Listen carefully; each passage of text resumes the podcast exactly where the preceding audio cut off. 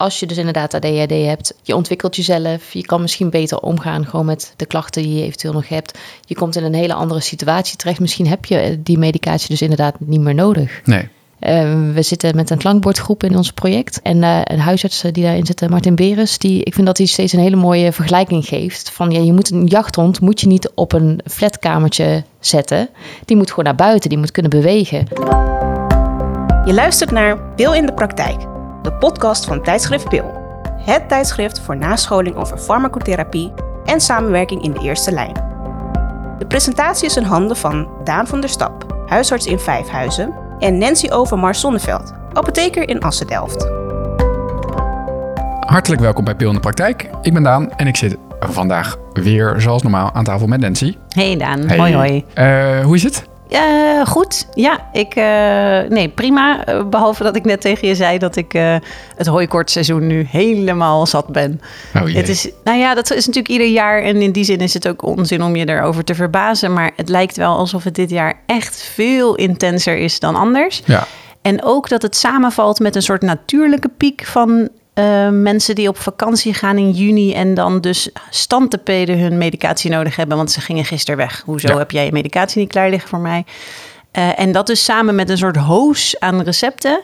Ik, ben, ik kan geen uh, Livocap meer zien. Oké, dus zal Ja. of aan je nieuwe populatie liggen, of aan heel veel pollen in de regio Zaandam. Of Ja, ja is precies. Misschien is het Of het is gewoon een heftig jaar. Want jij we herkent het niet. Tenminste, lijkt het. niet. Nou ja, net zoals elk jaar. Ja, oké. Ja, niks, eh, niet, niet schokkend, maar... eh, Nou, en dus ook heel veel kinderen. Echt Ja. heel veel, eh, ja, dus de desloratadine drank is er dan dus. Nou ja, de, de smeltabletten van 2,5 milligram, die zijn dan ook niet leverbaar. Net als de Livocap oogdruppels nu ook even op zijn. dat, dat maakt het misschien het grootste hoofdpijndossier. Ja, nou ja, ik was gewoon, weet je, het was best wel druk. Ik was even aan het meehelpen de buffer weg te werken. En dan ieder tweede recept weer die antihistaminica. Ik, ik, eh, Kan niet meer. Nee, ik kon het niet eh, handelen. Goed. Maar goed, op Ga- zich met mij gaat het goed. Ik heb geen hooikoorts. Ik ben helemaal oké. Lekker. Hoe is het met jou? Ja, goed. Ik ben dus aan de, aan de hooikortstabletten. Ik kan het desloratadine echt niet aan te slepen. Ik nies me helemaal een ongeluk, maar het, het helpt wel. Dus ik ben er zo blij mee. Oké. Hou dat Nou ja, even in gedachten. Goed zo.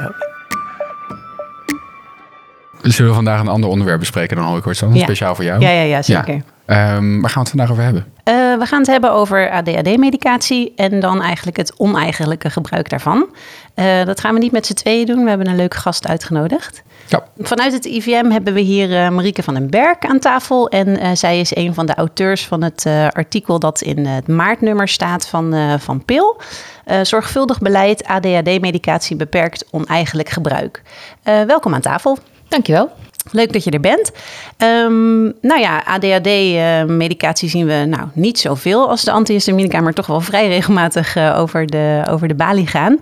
En eh, zoals jij eigenlijk aangeeft in het artikel, zouden we daar wat zorgvuldiger mee moeten zijn. Kan je aangeven wat in grote lijnen het artikel behelst? Eh, het artikel geeft eh, een eh, overzicht van hoe vaak nou eigenlijk dat oneigenlijk gebruik voorkomt, eh, wat de motieven zijn en hoe de studenten aan, aan die medicatie komen. Oké, want studenten, dat is eigenlijk een beetje de doelgroep waar we het over hebben. hè? Ja, en dit project gaat echt over de studenten. Ja, en ehm, eh, hebben jullie die studenten gesproken of hoe, hoe komen jullie aan je informatie? De, de allerbelangrijkste voor ons was om allereerst eens inzicht te krijgen in hoeveel studenten die ADHD-medicatie oneigenlijk gebruiken. Eh, dat hebben we niet zelf onderzocht, maar dat is onderzocht in de monitor mentale gezondheid en middelengebruik eh, van het Trimbos Instituut, GGD Goor en het RIVM. Eh, die hebben dat in eh, 2021 eh, uitgevraagd aan 28.000 studenten. En daaruit bleek dat ruim 1 op de 20 studenten die medicatie dus oneigenlijk gebruikt. Oké, dus het is wel, het- het komt zeker veel voor. Ja.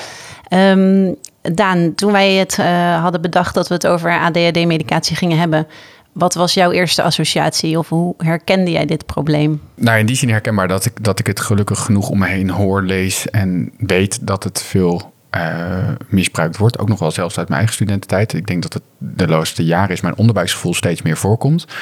Ehm, maar ehm, ik weet zelfs uit mijn eigen studententijd nog wel dat het al wel genoemd werd dat zelfs geneeskundestudenten dat wel eens deden. Want ik ga er gewoon goed op. Of misschien ik kan juist geneeskundestudenten? Misschien ook wel extra, omdat die dan denken van ik ken het middel en het is minder eng. Dat, dat weet ik dan weer niet. Ehm, Maar ja, wat het, ik vond het wel heel leuk om een keer een artikel erover te lezen. Want ik ben er inderdaad gewoon helemaal niet bewust zelf mee bezig. Behalve dat ik kijk, bestelt iemand. Hè, die, ik ben, nou, dat is niet helemaal waar. De enige waar ik me altijd al bewust van ben op mijn werkdag is als ik in de buffer ADD-medicatie sta. Dat ik toch even altijd check bij de assistent heb gekeken of die nog voor de jaarcontrole geweest is. En ook wel check inderdaad, wordt er niet eh, met een smoes eerder besteld. Want ja, de kat heeft het opgegeten. En nou wat we eigenlijk uit de podcast al eerder kennen, want dat riep er bij mij een beetje op. Het gevoel van, hé, hey, we hebben het in de derde podcast ooit die wij maakten in 2019. Mhm. Ja. Uh, met Anke Boy van ook het IVM, collega van Marieke, hebben we het over het oneigenlijk gebruik van opioïden. En dat we mhm. dat moesten terugdringen. Daar ging het dus- vooral ook over het herhalen en daar afspraken over maken. Ja, en het alerter zijn voor elke medewerker in apotheek en huisartspraktijk. En natuurlijk ook bij de meeste specialisten die vaak starten.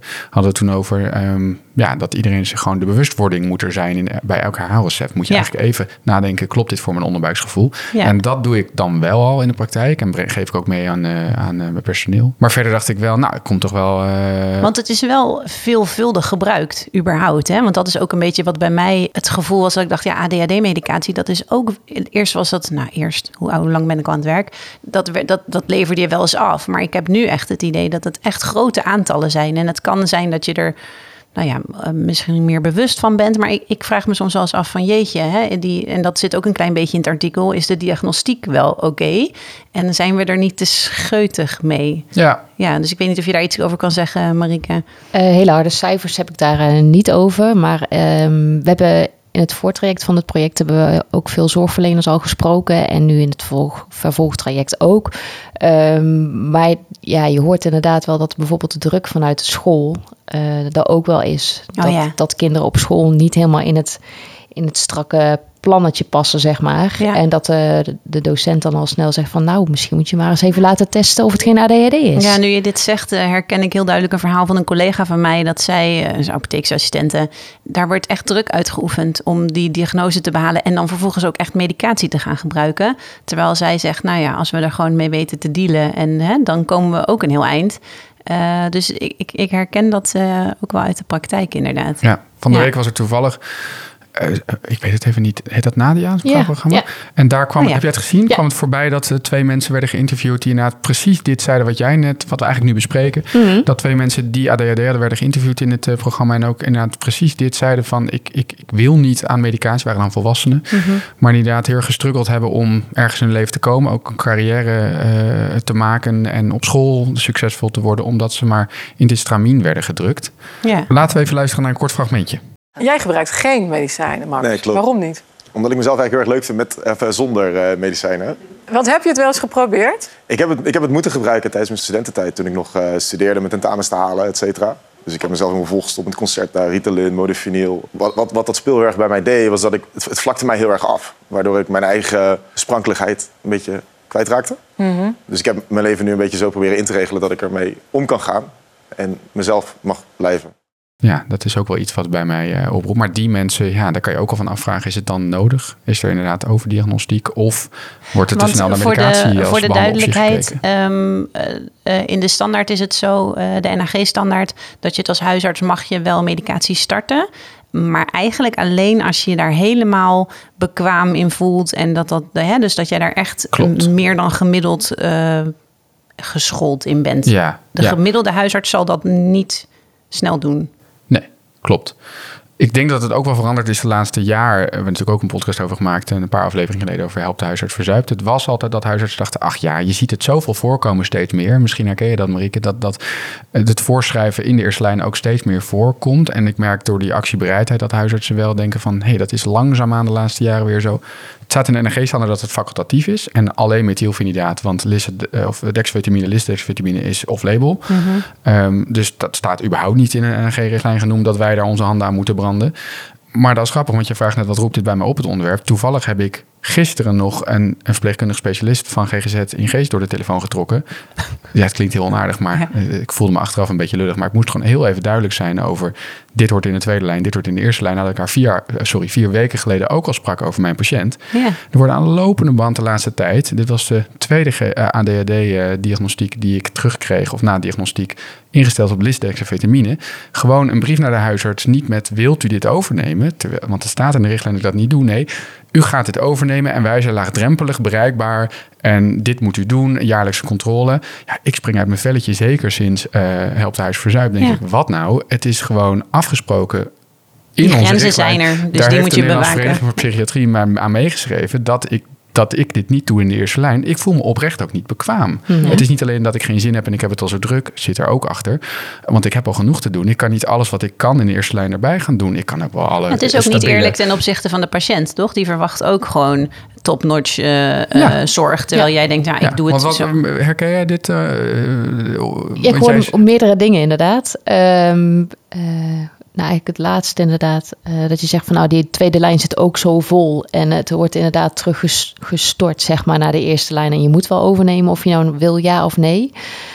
Als dus inderdaad die druk van buitenaf komt van hey, misschien is hier ADHD aan de hand. Uh, dat is meteen gekoppeld aan het pilletje. Ja. ja. Maar het pilletje staat pas veel verder in het stappenplan. Ja. Daarvoor zitten al zoveel andere dingen die uh, zeker voor de omgeving van de mogelijke ADHD-patiënt uh, vooral het liefst overgeslagen worden. Ja.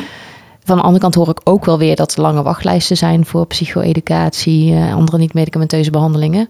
Dus dat dat dan ook wel weer een reden is om toch snel naar die pillen te grijpen. Maar voor mijn gevoel en beleving zit, zitten ze te veel aan elkaar gekoppeld, de diagnose en meteen die pil. het is natuurlijk ook heel bekend. Dus mensen denken, oh, zodra ik die diagnose heb, dan is dat dus het volgende wat er gaat gebeuren. En dan zijn mijn problemen opgelost. Ja, dat is ook wel een beetje die maakbaarheid van de wereld, uh, denk ik, waar we in zitten. Nou, en ook, uh, dat staat ook in je artikel, dat de effectiviteit, nou ja, eigenlijk ook een beetje discutabel is. Op lange termijn zeker. Dus eigenlijk heel, hè, maar op korte termijn is dat ook nog maar de vraag. Ja, klopt. Voor eigenlijk en oneigenlijk gebruik. inderdaad, ja. Ja, ja, ja.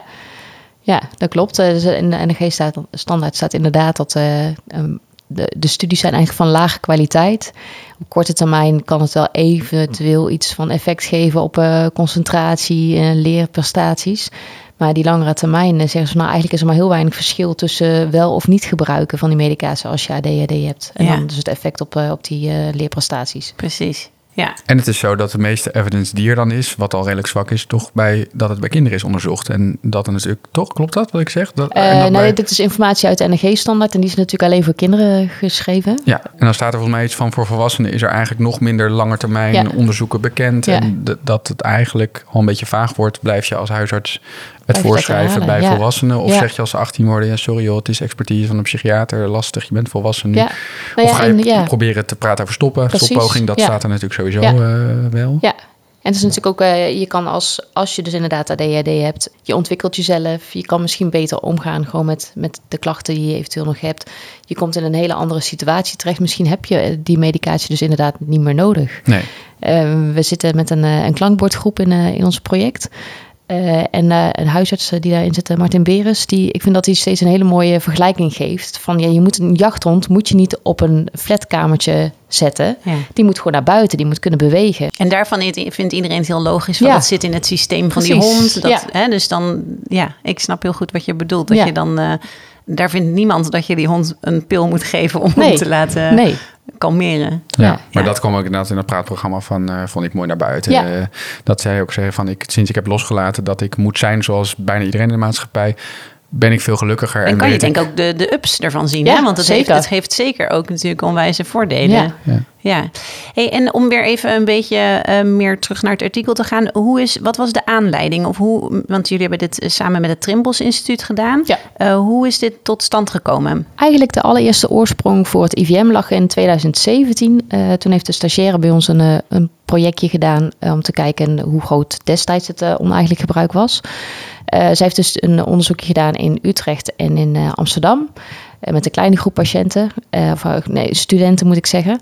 en daar kwam toen een, een percentage van 25% uit. Echt gigantisch. Oh ja. um, dat waren, was, waren een van de weinige cijfers die op dat moment bekend waren. Dus die zijn echt overal in de media terechtgekomen. Elk jaar rondom de examentijd vindt de media het weer een interessant onderwerp. En kwamen ze vaak weer bij ons terecht met vragen daarover. Um, en wij vroegen ons toch wel samen met het Rimbos af van ja, hoe zit het nou echt? Dit zijn zulke hoge cijfers. Ze zitten natuurlijk heel erg op die mentale gezondheid. Dus we wilden daar gewoon goed inzicht in krijgen. Ja. Uh, dus met, met die vraag zijn wij naar het ministerie van VWS gegaan. En uh, hebben we dus inderdaad een, uh, een subsidieaanvraag gedaan. Okay. Maar hebben jullie bij het IVM ooit contact gelegd met Trimbos in een soort brainstorm van ja. dat is een geschikte partner en dan gaan, zijn jullie samen gaan bedenken? Ja, omdat dus inderdaad bij ons die vragen kwamen en uh, de projectleider van het uit de Trimbos die had al een, een factsheet geschreven over het oneigenlijk gebruik van destijds alleen Ritalin. Ah, ja. Uh, dus daar kwam ik inderdaad in mijn zoektocht kwam ik die tegen. Ja. En toen hebben we inderdaad contact samengezocht ja. om eens te kijken wat we daarin verder konden doen. Ja, precies. Weten we nou een beetje cijfers? Want jij noemt het al, dat was destijds begon het met alleen Ritalin. Ja. Ik zei net al, ik merk dat steeds meer uh, tweede lijnsinstanties proberen de, de dexvitamine en lisdexvitamine ook nu in de eerste lijn gewoon mm -hmm. uh, terug te zetten. Weten we iets over dat oneigenlijke gebruik en per soort middel van ADD-medicatie? Of is dat wat, moet dat ook nog beter bekend worden? Of maakt het niet zoveel uit? Uh, het moet sowieso, de, inderdaad, als we het willen weten, moet het beter bekend worden. Het is wel uitgevraagd, maar uh, wat we weten is het grote deel is wel methylfenidaat. Mm -hmm. Ik denk uiteindelijk dat het niet zo heel veel uitmaakt welk middel het is. Want ze zitten allemaal een beetje in dezelfde groep. En uh, het belangrijkste... De risico's zijn vergelijkbaar ja, precies, waarschijnlijk. Inderdaad, ja. ja. Ja, en wat ik wel mooi vond, want nou, jullie hebben natuurlijk dit artikel geschreven, maar het is een onderdeel van een heel groot, uh, ja, een, ja, hoe noem je het eigenlijk? Het is een uh, project. Ja, ja, een project. project maar, Gezonde Focus. Oh ja, Gezonde Focus, zo heet het inderdaad. Ja. En er, daar hing van alles aan vast. En ik vond eigenlijk, het Trimbos vond ik wel een hele mooie partner hierin, omdat de, de factsheets en de informatie die zowel voor de zorgverleners als voor de gebruiker allemaal gemaakt is, dat kan je dus ook allemaal vinden via jullie website, um, vond ik heel prettig geschreven. Echt op een, ja, zoals Trimbos dat eigenlijk heel goed kan. Um, uh, nou ja, uh, om steeds in gesprek te blijven met, met de gebruiker. Ja. Uh, zowel degene die het misschien verkoopt als degene die het oneigenlijk gebruikt. om in ieder geval heel goed te informeren, zodat Ja. mensen met meer informatie de keuzes kunnen maken. Wat jij ook zei van tevoren, Nancy, is dat dat stukje wat Trimbos natuurlijk altijd heel sterk doet met de verslavingsaspecten. Uh, of oneigenlijk gebruik van welk middel dan ook, dan eigenlijk of het nou een verslaving is of niet. Um, En niet zo oordelend of zo, ja. zo van. en dat vind ik eh, jullie artikel ook heel sterk van ga gewoon het gesprek aan en vraag het ook eigenlijk net zoals je suicidaliteit aan iedereen die Ja. somber is gewoon uitvraagt. Dat we bijna eigenlijk standaard aan iedereen zouden moeten vragen aan de balie. Alsof het de normaalste vraag van de Ja. wereld is. Ja. Joh, het komt best wel veel voor dat mensen het ook wel eens verkopen aan vrienden. Uh, en dat dan is ook, nog ook hoeft iemand niet zo raar. niet op dat we- moment toe te geven dat hij het doet, maar je hebt wel weer iets van informatie kunnen geven of een soort bewustzijn kunnen creëren. Ja, Het mooiste is natuurlijk wel als je er wel een open gesprek over kan hebben, maar ik kan me voorstellen dat dat in de spreekkamer wat meer vanzelfsprekend is dan dat ze dat aan de balie eh, ja. eh, in die mate zouden doen. Ja, want hebben jullie daar al vanuit, het, vanuit jullie projectgroep feedback op gekregen van mensen uit het werkveld? Want jij bent zelf ook tot vier jaar geleden, zei je net tegen ons, voordat we gingen opnemen, eh, praktiserend apotheker Ja, geweest. klopt. Maar heb jij nu, de laatste vier jaar niet meer, heb jij nu een beetje een, een indruk van dat laatste stuk van jullie artikel? Vind ik heel mooi om, nou, hoe, hoe maak je het nou bespreekbaar? Ehm, eh, krijg je daar al een beetje indruk van? Of zijn jullie nog te veel in de startfase? Om, of, of zorgverleners in dat moeilijk vinden of dat dat wel loopt? Of, Ja. Eh, we zitten nu midden in de implementatiefase wel van, eh, van alle materialen, zeg maar. Eh, dus we begeleiden nu een, eh, een aantal FTO-groepen eh, hierbij. Mhm. Eh, en we hebben onlangs ook een, eh, een webinar georganiseerd. Eh, en daar eh, hadden we een aantal stellingen in. En een van die stellingen was inderdaad van als je, als je erover begint, eh, dat het m- mensen alleen maar op ideeën brengt. Oh, ja. Eh, en daarin Ah, ja. merkte je wel inderdaad heel erg dat die tweestrijd nog. En een deel zei van, oh ja, je moet het inderdaad bespreekbaar maken. En die ander zei van, nee, daar moet je echt niet aan daar beginnen. komt jouw vergelijking met dat suïcideverhaal natuurlijk wel. om- Dat is ook heel lang gedacht. Als je er maar niet over gaat beginnen, want dan doen ze het dadelijk Ja, nog. Weet ja. je, terwijl dat is heel duidelijk ook gewoon niet aan de orde. Dus dat Ja. zou je, hier eigenlijk gewoon kunnen doortrekken. Dat Ja. het juist belangrijk is om het uit het, uit de taboesfeer te halen. Ja. Ja. en tijdens En dat webinar hadden we ook een eh, studenten die je dus inderdaad in het verleden zelf ook al eigenlijk had Ja. gebruikt. En zij gaf juist aan van, oh, ik had zo fijn gevonden om er met iemand over te praten. Eh, en, eh, en de huisarts inderdaad die daarbij was, die zei ook van, nou, die kan dat gewoon inderdaad Ja. heel laagdrempelig eh, eh, vragen. En als je inderdaad maar niet in die veroordelende rol gaat zitten, dan komen daar wel verhalen uit. En dan, dan ben je inderdaad gewoon die zorgverlener die zorg aan het verlenen is. Ja. Ja. Ja. Want wat zijn de overwegingen? Of, of hoe kon die studenten een beetje aangeven hoe zo'n proces dan gaat? Hè, want wat er ook een stuk zit in, eh, in jullie project is van, nou oké, als je niet naar zo'n pilletje grijpt, ja, mensen hebben blijkbaar wel behoefte aan iets om, om die focus te vinden of hebben moeite. Uh, dus dat je dus andere alternatieven aanbiedt. Maar hoe gaat zo'n gedachtegang bij iemand? Zien ze überhaupt geen risico's? Of eh, zijn ze, eh, is dat een beetje duidelijk? Uit de, de interviews die we gedaan hebben, daaruit kwam vooral van het is gewoon een makkelijk hulpmiddel. En dan hoor ik ook wel van verhalen van studenten nu dat als ze in de uh, universiteitsbiep zitten, dat gewoon die pillen gepakt worden. En dat diegene vraagt van ja, waarom doe je dat eigenlijk? Ja, ja, uh, dan ben ik nou iemand zo gewend nu. Het zit gewoon zo in mijn systeem. Bijna alsof ze een bakje koffie nemen voor cafeïne. Ja. Ja. Gewoon, dat zal wel helpen. Ja. En voor die studenten was het wel dat ze echt uh, heel veel stress en prestatiedruk ervaarden mm -hmm. uh, in de coronatijd. Dat ze niet goed wisten wat er van de verwacht werd. en dat ze dus van iemand anders hoorden dat dit zou helpen. En, en wat wordt er dan gezegd onderling over de bijwerkingen? Vanaf, weinig, ja, weinig, ja. En, en heb je dat teruggehoord uit die interviews van... goh, ja, ja, ik had inderdaad wel hartkloppingen, maar ach... Ja, dat vind ik dan wel bijzonder. die interviews zijn door het Trimbos gedaan. Dat oh, zijn natuurlijk vooral die uh, connecties met de studenten hebben. Het is wel grappig, want een aantal jaar geleden uh, heeft Spuiten en Slikken hier ook al uh, aandacht, aan besteed. aandacht aan besteed. inderdaad. En toen ging die presentator ging in de universiteitsbiep kijken of hij daar makkelijk aan die pillen kon komen. Nou, binnen een half uur had hij uh, van vijf verschillende mensen kreeg die pillen. Ja, ja. En het was wel heel grappig dat één iemand dus zei, of zij vroeg dus ook al een beetje naar die bijwerking. Oh nee, dat was allemaal niet zo erg en je kan het gewoon innemen en dan kan je de hele dag kan je erop door. Eén uh, jongen zei van, oh nee, mijn vader is huisarts en uh, die zei dat het wel kon, dat het niet zo erg is. Oh, wauw. Dat is toch jammer als je dan herkend wordt. Er stond geen, eh, geen naam bij, dus we kunnen niet achterhalen wie het, uh, nee, was. Nee. Nou ja, maar goed, het is wel een terechte vraag. En ik denk dat we het zo meteen daar ook nog wel even met je over willen hebben hoe groot probleem is dit eigenlijk? Want mhm. ja, er zijn risico's. Uh, en ja, de effecten zijn discutabel. Maar ja, moeten we hier zo'n uh, fus om maken? Hè? Mhm. Hoe groot is dat? Dus dat is denk ik interessant om zo strakjes even met jou over verder te praten. Want ik merk dat we genoeg te bespreken hebben. uh, maar nu eerst even dit. Zonder toestemming van patiënten moeten zorgverleners de medicatiegegevens uit kunnen wisselen. Die oproep doet onder andere de Patiëntenfederatie vandaag in een brief aan de Kamer. Vooralsnog is het zo dat je expliciet toestemming moet geven hiervoor. Nou, Daan, je weet hoe ontzettend actueel wij altijd zijn. Oh, ja, het is, het is uh, over NPO 1 gesproken. We zouden, uh, ja, die kunnen ze wel opdoeken. Ja, want, want, wij nemen het over. Ja, wij nemen dat. Zonder gekheid. Ja. Uh, vandaag komt er een persbericht uit dat er uh, gisteren een motie is aangenomen in de Tweede Kamer. over dat de gegevensuitwisseling standaard. dus dat het opt-out zou moeten worden in plaats van opt-in. Ja. Dus het LSP, wat ooit wel best aardig bedacht was, is uiteindelijk door allerlei.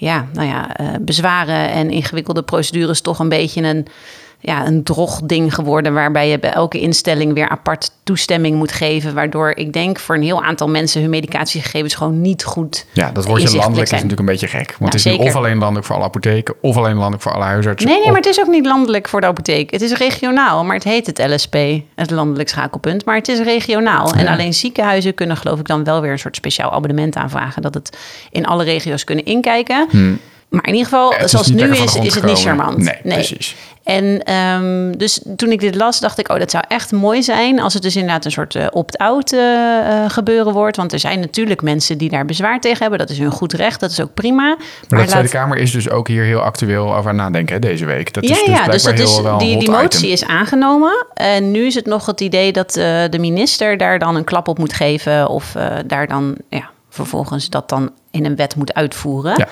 Um, dus ik vind dat echt ontzettend goed nieuws. Want ik vind het zo zonde dat we met allerlei. Ja, ik snap wel, hè, die regelgeving is belangrijk. En zeker met AI. We moeten het volgende keer over AI hebben. Iedereen heeft het over AI.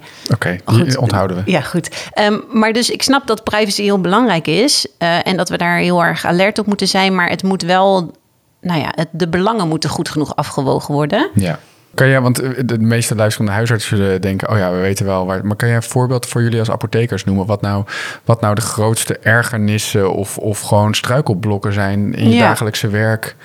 Nou, voor de ehm, gegevensuitwisseling en dat privacygezeur? technisch gezien dan weer helemaal niet helemaal heel sterk. Want waar ik vooral tegenaan loop is, zal maar zeggen, uh, de labwaarde. En dan weet ik niet helemaal, dat gaat wel via het LSP, maar niet helemaal. Dus um, kijk, zoals het nu bijvoorbeeld is, uh, we gebruiken steeds meer labwaarden voor de juiste medicatiebewaking.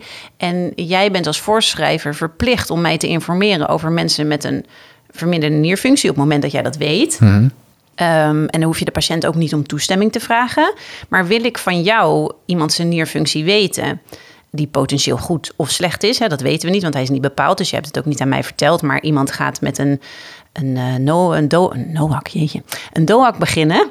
Uh, dan moet ik een nierfunctie weten. En dan, uh, als ik dat bij jou ga opvragen dan moet ik daar toestemming voor hebben. En of ik dat nou via, naar jou toe doe, of dat ik dat digitaal geregeld heb via een systeem, Lab voor APO, hè, verzin, maar die zijn er allemaal. Maar Mhm. ik mag pas die gegevens krijgen als ik toestemming heb gevraagd. Ja, Ja. dat is natuurlijk in de praktijk eh, waardeloos Ja, gewoon. het is gewoon een administratieve romslomp van hier tot ginder natuurlijk. Als je dat aan elke klant moet gaan vragen bij jou. Ja, Ja, nou ja, het is heel herkenbaar. Het- toevallig liep mijn collega Maaike nog, eh, de andere huisarts, mijn eh, praktijk, mijn collega, de, mijn, mijn, bij bij de keuken de lunch binnen. En ik moest, moet ik ook wel weer lachen, want dan herken ik mezelf. Dan zie ik een eh, briesende, stoom uit orende komende Maaike binnenkomen. En denk ik, oh, zo zie ik er af en toe volgens mij ook uit als ik eh, frustraties tegenkom. En ja, ze had ook weer eh, naar het AVL gebeld, het eh oncologie ziekenhuis in Amsterdam.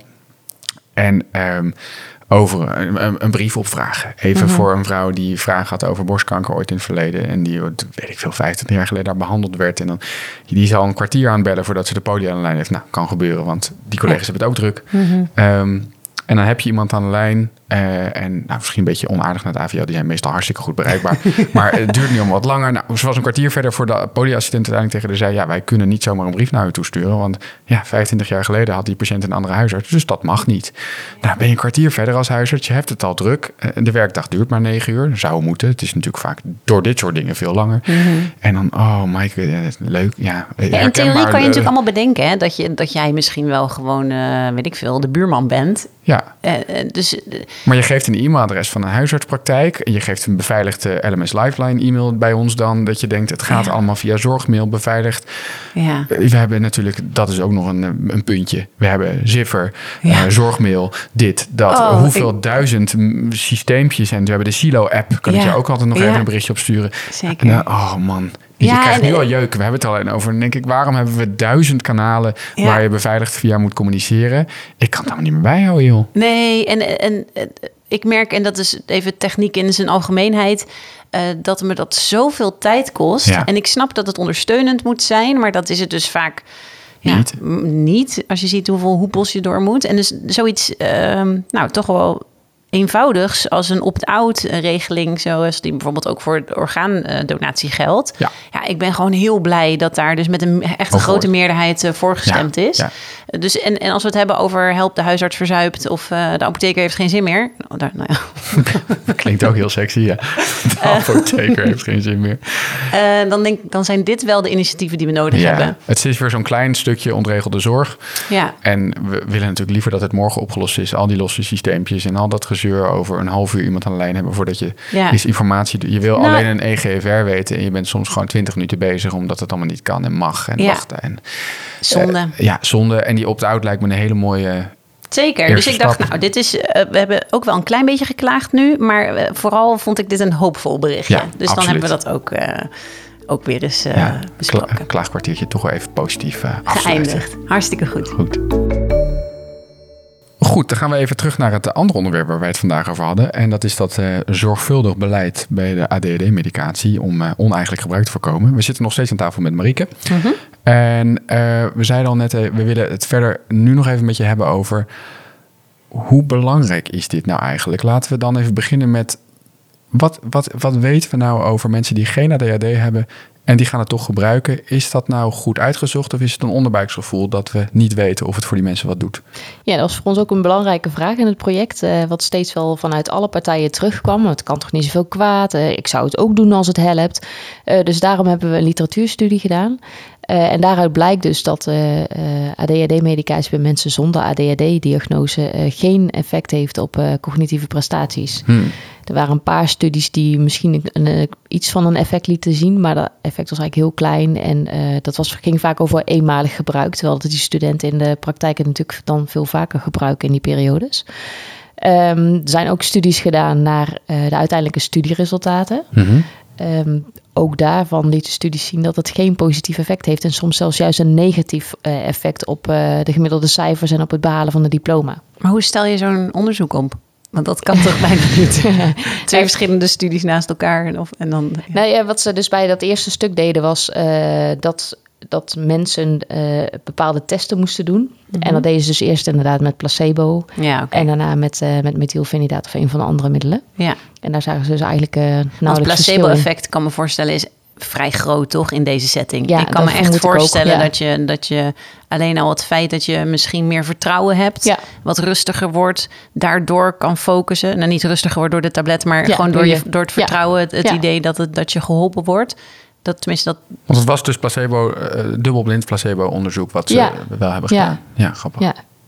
Oké, okay, nou dus dat is eigenlijk, uh, uh, het, het werkt niet. Dus dan hadden jullie ook als IVM heel hard kunnen gaan roepen... doe het niet, het werkt niet, hou ermee op, het is gevaarlijk. Maar het is dus toch een, vanuit de Trimbos ook een beetje een andere invalshoek gekozen. Hè? Dus dat ja. het nu dus bij ons, bij de zorgverleners ligt om het gesprek aan te gaan. En hoe, hoe... Ja, nou, het, het werkt dus niet om keihard tegen iemand te zeggen het mag niet. Want ik denk dat dat voor jezelf ook geldt. Als iemand zegt dat je iets niet mag doen, nee. dat je het dan juist wel gaat doen. Uh, dus uh, heel belangrijk om uh, die studenten alternatieven te bieden van wat ze dan dus inderdaad wel kunnen doen. Het gezond studeren en, en concentreren. Um, en wat we heel belangrijk vonden, dat juist al die mensen om die student heen, dat die bij hen, zeg maar, de kennis en bewustzijn vergroot zou worden. Dus ook decanen en zo. Ja, precies. Ja. ja. En dat is dan ook weer heel mooi dat uh, wij inderdaad vanuit het IVM dus uh, ons kunnen focussen op, uh, op die zorgverleners. en het Trimbos doet dat dus heel erg op de onderwijsinstellingen. Dus preventiemedewerkers. ja. En als zorgverleners gaan wij nou met de studenten vooral in gesprek die wel ADHD hebben en die wij het voorschrijven? Mm -hmm. Of zeg je, we moeten echt ook actiever gewoon, als er is een student in de spreekkamer komt voor een SOA-test, ik noem maar wat, even vragen van, hey, ja, of, ja, dat, dat komt het meest voor. Ja, de studenten komen altijd voor een SOA-test. Ik denk, kom eens voor iets anders, maar nee, hoort erbij. Okay. Maar, maar hebben jullie daar, want in de artikels schrijven jullie vooral over als je het voorschrijft. Mm -hmm. ja. uh, bespreek, maak gewoon bespreken van, joh, uh, weet ook dat het best veel voorkomt dat. Ja. Dat je het, uh, nou, dat er ook studenten zijn die geven het af en toe aan een medestudent. En dat je, dat je in ieder geval zeggen, ligt die student met ADHD die het voorschrijft, ligt die in ieder geval goed voor. Van joh, dat komt best wel eens voor. Weet dat het echt bewezen is dat het niet helpt bij die medestudenten. Dus we weten gewoon dat het voorkomt. Het is ook helemaal niet erg of raar. Een beetje dat, ja, dat, dat bespreekbaar maken. Ja. Maar wat, wat, wat vinden jullie vanuit het EVM met, met moeten we echt actief studenten aanspreken? Zou dat, zou dat, zou dat helpen? Die, is er toch niet voor een soort postbus 51 bestaat dat sportje gekozen?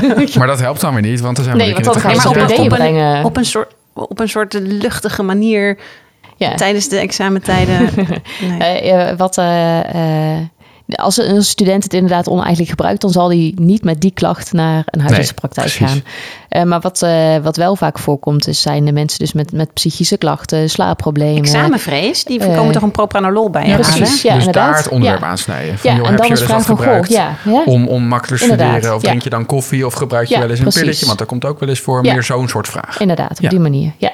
Maar jij hebt het nu heel erg over dus het, het bespreekbaar maken. Dus dat is een heel groot duidelijk punt in het verhaal. Um, maar... Um, wat ik me dus heel erg afvroeg, is dat wij dus ook in de gaten, of dat dat dus zorgvuldig voorgeschreven moet worden, dus dat het daar al mee begint en dat je dus ook niet te veel voorschrijft en dat je in de gaten houdt hoe iemand uh, het gebruikt. Dus als apotheek kan je natuurlijk kijken van hé, hey, uh, vrij eenvoudig concert, eenmaal daags, uh, je bent te vroeg. Uh, maar de, de kortdurende uh, methylfenidaat of dexamfetamine, die voor zo bij, er zo nodig bij gebruikt wordt, dat lijkt me natuurlijk veel ingewikkelder om daar, ja, om, ja. om daar zicht op te houden dat is inderdaad ook wel heel lastig. Maar je ziet ook wel eens recepten met uh, één tot vier keer daags. En ik denk dat die range wel heel groot is. En er zijn natuurlijk heel veel mensen die het niet dagelijks gebruiken. Ja. Uh, dus je zou wel gewoon door steeds dat gesprek weer met, uh, met die ADHD-patiënt aan te gaan en te vragen van hoe gebruik je het nou, ja. uh, daar zeg maar wel het voorschrift wat beter erop aanpassen. Ja. Dat is nog best lastig, want onze ja. systemen werken natuurlijk allemaal gewoon 90 stuks, 90 dagen, terwijl de kans is veel groter dat het vijf zevende van de dagen Precies. gebruikt wordt. Ja. Nou, die, die, uh, die uh, dat is al vaker benoemd met ook de gedachte van, goh, moeten we dat dus niet bij onze huizen gaan navragen of, of er niet een ander soort gebruik uh, aangemaakt kan worden. Waardoor je dus inderdaad... Vakantieperiodes. Precies, ja. Maar ook dus wel, denk ik, waar onze podcast natuurlijk ook vaak over gaat. De samenwerking tussen huis en apotheker. Ik denk dat wij ook wel aan onze kant misschien... Want het wordt vaak natuurlijk besproken in die jaarcontrolegesprekken. Hoe vaak gebruik je het? Ook in het weekend, ook tijdens vakanties. En ik weet wel dat wij als huisarts in het algemeen soms wat duidelijker... daar zal de ene collega netjes, net erin zijn... maar op het recept gewoon erbij kunnen vermelden... in plaats van één tot vier keer daags dat je denkt... nou, makkelijk, dan kan die patiënt zelf een beetje bedenken. Mhm, dat je bij dus ADHD-medicatie toch misschien voor jullie wat secuurder op het recept moet zetten. In de vrije tekst van wat hebben we nou besproken tijdens dat jaarcontrolegesprek. Ja. Dat jullie beter weten wat nou ongeveer het gebruik is. Dan vraag je het misschien nog een keer bij jullie aan de balie bij het ophalen. Ja. Uh, maar nou, ik denk dat we, dat we dus ook ons toch gewoon niet heel erg bewust zijn geweest van hoe vaak dit voorkomt. En dat we bij opiaten zijn we dus heel duidelijk wel uh, gedrild op: hey, is het niet te veel? Is er een stopafspraak? is er hè? Uh, en dat dat hierbij gewoon toch wel. Ja, dan denk ik, ja, dat moet diegene toch ook een beetje zelf aanvoelen. Hè? Dus, maar dat er toch meer verantwoordelijkheid ook wel voor ons is. Want het helpt dus niet, weten we. Opiaatgebruik hebben we het ooit met Anke Lamboy, jouw collega, gehad van het uh, Instituut voor Verantwoord Medicijngebruik. Dat dat dat weten we allemaal, dat weet elke luisteraar, wat een gevaar dat is voor de samenleving. Dat vind ik nog wel een belangrijke laatste vraag. Wat, wat blijft natuurlijk een artikel ook iets op de vlakte. We weten dat er geen bewijs is, maar wat is nou echt het gevaar hiervoor? Waarom moeten hoeveel we mensen zijn er al nou omgevallen? Nee, hoeveel mensen er omgevallen zijn, weten we inderdaad niet. Uh, we weten wel dat die studenten dus dezelfde bijwerking ervaren als de mensen die, uh, die wel ADHD hebben. Um, daarnaast is het nog zo dat er natuurlijk de controle op contra-indicaties, interacties mist. Ja. Uh, we hebben het veel over methylfenidaat, maar ook modafinil wordt wel eens uh, gebruikt uh, om langer door te kunnen gaan. dat heeft een interactie met de anticonceptie. Ja. dus, die is nog wel interessant. Ja, die is nog wel interessant inderdaad. Dan zit je opeens met, met een kind te kijken tijdens je studie, dan is de focus al helemaal weg. maar eigenlijk het allerbelangrijkste, denk ik, is dat die studenten leren zichzelf een patroon aan. dat ze dus denken dat ze iets nodig nodig hebben om te kunnen presteren. Ja. Ze zeggen dat, uh, dat ze daar wel eh, mee gaan stoppen als ze klaar zijn met die studie uh, en het werkende leven ingaan. Uh, maar ervaringen vanuit de Trimbos met andere middelen is dat dat, dat dat toch niet altijd het geval is en dat ze door blijven gebruiken. Ja, ja. en überhaupt stoppen ook bij wel mensen met een juiste diagnose... Mhm. is ook een beetje de vraag of daar heel veel aandacht voor is. Hè? Want, daar hoor ik wel terug inderdaad uit die FTO-begeleidingen. Nou, ik, ik hoor van jou dat, dat je netjes die jaarcontroles doet. Uh, dat is ook niet overal het geval. Er zitten echt wel uh, bij meerdere groepen... is dat een belangrijk verbeterpunt... dat, dat ze dus gewoon strak die jaarcontroles uh, in gaan voeren. Ja. En als je dan vraagt van... goh, heb je het wel eens over een, een medicatievrije periode... of over stoppen dan zijn ze daar best wel huiverig over. Dat ze denken, nou, met die vraag moet je vooral niet uh, aankomen. En dan helemaal niet bij de ouders. Die ouders zijn vooral ook heel blij dat het kind medicatie gebruikt. Ja. En beginnen vooral niet over stoppen. Maar als je aan de andere kant hoort dat er ook kinderen zijn die volledig afvlakken, hun hele emoties en alles kwijtraken. En dat vriendinnetjes niet meer willen spelen, omdat dat jouw kind zo saai geworden is. Ja, precies. Dan denk ik, ja, er zijn toch ook wel redenen om wel eens gewoon serieus te kijken. Is die medicatie nog wel nodig? Ja, Dit specifieke onderwerp richt zich natuurlijk heel erg op de eerste lijn. Um, maar ja, om goed te kijken of het überhaupt uh, terecht is voorgeschreven, zou je natuurlijk veel meer in de tweede lijn moeten zijn. Zit daar ook een stuk van dit, uh, van jullie project, heeft zich daar ook op gericht? Of is daar ook mee eh, bezig? Ja, we, in onze klankbordgroep zit ook een kinder- en jeugdpsychiater. die, die is ook heel erg met dit onderwerp bezig. dus we proberen wel inderdaad ook bij de tweede lijn daar nu meer aandacht voor te krijgen. Dus ja ja, daar gaan we zeker ook wel eh, mee aan de slag. Ja. Uh, omdat uh, onze samenwerking ook heel erg met de eerste lijn uh, ligt, zijn we daar ja. mee begonnen. Ja. Maar, nou, omdat ik gelijk weer moet denken aan dat er heel veel, ook de voorlichting is natuurlijk gewoon ontzettend belangrijk. Ja. Omdat als ouder van een kind met ADHD denk je, oh druk, gedoe, pil erin, ja, dat scheelt. Ja. dus om daar al, maar goed, weet je, je, begint hier. het is heel groot en omvangrijk om, om daar uiteindelijk daar de kraan dicht te draaien. Maar dat is natuurlijk wel. Uh... Een, een, los project misschien nog wel de moeite waard ooit. Want dit gaat natuurlijk, dit artikel in ieder geval heel specifiek, jullie project nu over het oneigenlijk gebruik van mensen zonder diagnose. Maar ik denk dat er ook nog eens een project kan worden losgelaten op het eigenlijk gebruik. Maar of dat, dat ook wel eigenlijk een, blijft. Dat een, als iemand lang de diagnose al heeft. Ja. Dat het een mooie. Uh, dat je een win-win situatie is. Dat je dus je mensen met ADHD, dat je die beter behandelt. En dat je daarmee dus die beschikbaarheid van, uh, uh, het voor oneigenlijk gebruik beperkt. Ja. dus dan heb je eigenlijk twee, twee kanten. Vang je meteen. ja. ja, heel goed. Ja, ik heb wel het idee dat het waar wij altijd van houden is dat je er dus in de praktijk mee aan de slag kan, maar dat het dan ook weer niet zo groot is. En dat je weer 300 mensen moet gaan aanschrijven en op je spreekuur van de benzo's af moet praten. wat heel, heel belangrijk is. Ja, daar gaat het niet om, maar wel altijd dat je denkt, poeh, pittig. Ik denk dat dit wel iets is waarvan je toch denkt, nou, met weinig extra investeringen, uh, tijdsinvesteringen, of uh, dat je dan toch wel al heel groot verschil kan maken. Tenminste, dat is een beetje hoe het bij mij. Uh... Nou, en wat bij mij ook wel het gevoel na dit gesprek dat jij Um, Toch duidelijk In het voorgesprek met ons ook wel zei voor de podcast van... weet je, uh, toen vroeg ik jou dezelfde vraag als uh, net al kort. Om, weet je, we nemen altijd stiekem gewoon door met de gast... wat we nou uh, gaan we precies gaan bespreken. Anders is het natuurlijk allemaal heel overvallen. Daarom gaat het altijd zo vlot, deze podcast. um, en toen zei je ook iets van dat het, het lijkt vergeleken met die opiaten gewoon nog wat klein probleem. Maar dit is, we zien het groeien, het probleem, de beschikbaarheid. Steeds meer mensen, wat jij zei, gebruiken ADHD-medicatie. Dus ja. dit is het moment om voel ik ook wel naar dit gesprek aan de slag te gaan. Om voordat te voorkomen het, voordat het, zo'n groot probleem wordt als bij opiaten omdat we weten dus ook nog gewoon niet zo goed wat het langetermijneffecten zijn. Dat is gewoon niet goed onderzocht. En al helemaal niet bij mensen ja. zonder diagnose. Um, dus ja, ik voel ook wel de urgentie. En het is ook wel behapbaar, eh, praktisch toepasbaar om uh, ja. eigenlijk morgen ermee aan de slag te gaan. Ja, hoeven we alleen nog maar uh, de geneesmiddeltekorten uh, Die moeten te lijf. nou, je zegt gewoon, we hebben het niet meer. Nee, ja, maar dat is, toch is dat wel interessant. Want zeker, je hebt natuurlijk bij heel veel, uh, vooral uh, switchen tussen origineel en generiek, maar ook generiek onderling, dat mensen vooral bij methylfenidaat ja. um, echt per se en de, of ja, de hele tijd de originele concerta hebben willen hebben. Maar goed, dat wordt wel bijna nooit meer gestart. Dus dan moet het per se de concerta van Milan zijn of zo. en nu op dit moment is het allemaal niet leverbaar. En dan ja, nou ja, oké, doe dan die ander maar. En is eigenlijk toch niet zo heel veel aan de hand. Ja. Ehm, dus ja, misschien is het een voordeel dat het dan, als het er allemaal weer is, dat we... Oh, ja. nooit meer een medische noodzaak. Ja, maar goed, dus we oh, kunnen weer een hele andere podcast maar goed, dat, dus dat is ook nog wel iets wat in deze geneesmiddelgroep echt meer, uh, ja, vaker voorkomt dan... Uh, ja. En en dat komt denk ik dan ook wel, want het zijn vooral ook bezorgde ouders hè, die, die je aan de lijn hebt en zeggen: Oh, maar ja, de, als ik kijk naar mijn kinderen die, nou ja, misschien ook wat kenmerken hebben van ADHD, dat weet ik niet. Maar eh, die, die ontwikkelen zich ook in fases, weet je wel? En de ene moment denk je, hè, dit deed je toch niet? Of waar komt dit nu vandaan? En dan zijn ze weer heel relaxed. En, dus ik kan me soms, heel soms zijn ze heel relaxed. Als ze slapen.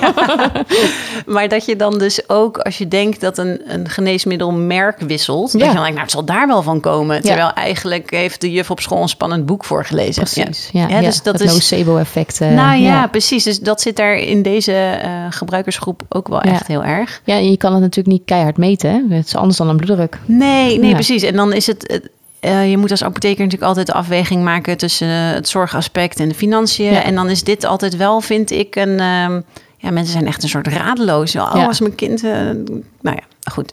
Uh, dat stukje, dat kan ik eigenlijk bij ieder onderwerp kunnen we dat eraan plakken. Maar bij deze komt dat wel vrij veel, veel voor. Ja. ja. Nou, we gaan ermee aan de slag, denk ik. ik denk dat we hier wat mee kunnen. Ja, heel ehm, goed. Brikke, vind jij dat wij nog dingen vergeten zijn mee te geven aan de luisteraar? De nou, als uh, de mensen het artikel niet gelezen hebben en ze willen hier wel mee aan de slag, kijk dan vooral eens op onze website. We hebben een projectpagina Gezonde Focus. Daar staat een, een toolbox met uh, materialen voor uh, alle mensen die om de student heen staan om ze te ondersteunen bij, bij het terugdringen van het oneigenlijk gebruik. Ja, Mooi. is echt ook wel een aanrader. Heel uitgebreid en, en prettig leesbaar voor nou ja, ook de, de oneigenlijke gebruiker. Hè? Dus ja. op een fijne dus- manier verwijzen mensen graag naar ivm.nl. Uh, eh, daar kunnen ze dat vinden. Ja, dankjewel. Hartstikke goed. Dankjewel voor je komst. Heel graag gedaan. Toch mooi hoe we elke keer weer super enthousiast kunnen worden. Hè? Als we dan eenmaal weer aan tafel zitten. Want toegegeven, het was een tikkie lang geleden. Ja. Uh, dat je dan toch weer helemaal uh, ja, weer aangezet wordt of zo. Ja, ja. ja, tenminste heb ik het ervaren. Precies, want het voelt een beetje, zeiden wij gisteren tegen elkaar in de voorbespreking van deze opname als een sabbatical van de podcast. Ja. Het voelt best lang geleden. het liep even zo, maar we hebben niet helemaal stilgezeten, hè? Dat is waar. Ja. Want dat, we hebben in de tussentijd elkaar nog wel gesproken, ook echt in podcastvorm, maar helaas niet voor onze vaste luisteraars. Nee, nee we uh, hebben iets super exclusiefs gedaan en daar zijn we ook best wel een beetje trots op. Uh, of in die zin, we hebben dus uh, voor de Universiteit van Utrecht... hebben we voor uh, het samenwerkingsblok tussen geneeskundestudenten en farmaciestudenten... hebben wij een audio-opname, nou, een podcast gemaakt... die zij kunnen beluisteren over samenwerking. En waarom vonden wij dat zo cool? Omdat wij natuurlijk gewoon het heel belangrijk vinden dat je met elkaar in gesprek bent. En nou ja, jong geleerd, oud gedaan. Dus we hebben daar al vaker over gehad dat we dat heel, nou ja, heel mooi zouden vinden als we op een of andere manier ook de studenten kunnen bereiken. Dus dat is eigenlijk ook wel weer een grappig sprongetje naar ja. deze hè, studenten, onze toekomst. Dus wat hebben we in de tussentijd tussen de Peel-podcast uh, Um, Peel in de praktijk maken wij natuurlijk uh, altijd met veel liefde, maar het was wel even een leuke uitstapje. Zeker, zeker. Uh, om dat ook inderdaad uh, de jonge collega's enthousiast te maken over de samenwerking tussen de huisarts en de apotheker. Ja, ja. en hopelijk hebben we jullie ook weer enthousiast gemaakt om te blijven luisteren en met dit soort onderwerpen in de praktijk aan de slag te gaan. Ja, en wil je reageren op deze aflevering, dan kan dat zoals altijd door ons te mailen op podcast.pil-nascholing.nl. En wil je nou meer informatie over het tijdschrift Pil en over het behalen van de nascholingspunten via het tijdschrift, dan kan je naar www.pil-nascholing.nl. En met dit artikel, wat we vandaag hebben besproken, is ook uh, weer een nascholingspunt te behalen. Dus um, als je on, ons toch naar ons gekletwerp zit te luisteren, makkie. dan moet het de makkie zijn. Zeker. Nancy, dank weer. Ik vond het weer erg uh, leuk ja. om aan tafel te zitten. Uh, we gaan weer op zoek naar een nieuwe leuke gast, want ik merk dat ik daar heel enthousiast van word. Ja, we hebben er weer zin in op naar de volgende podcast. Goed zo. Spreek je dan. Tot dan. Dag. Je luisterde naar Pil in de Praktijk, de podcast van tijdschrift Pil het tijdschrift voor nascholing over farmacotherapie en samenwerking in de eerste lijn. Pil verschijnt vier keer per jaar in de vorm van een papieren tijdschrift en geaccrediteerde e-learnings. Ga voor meer informatie en abonnementen naar www.pil-nascholing.nl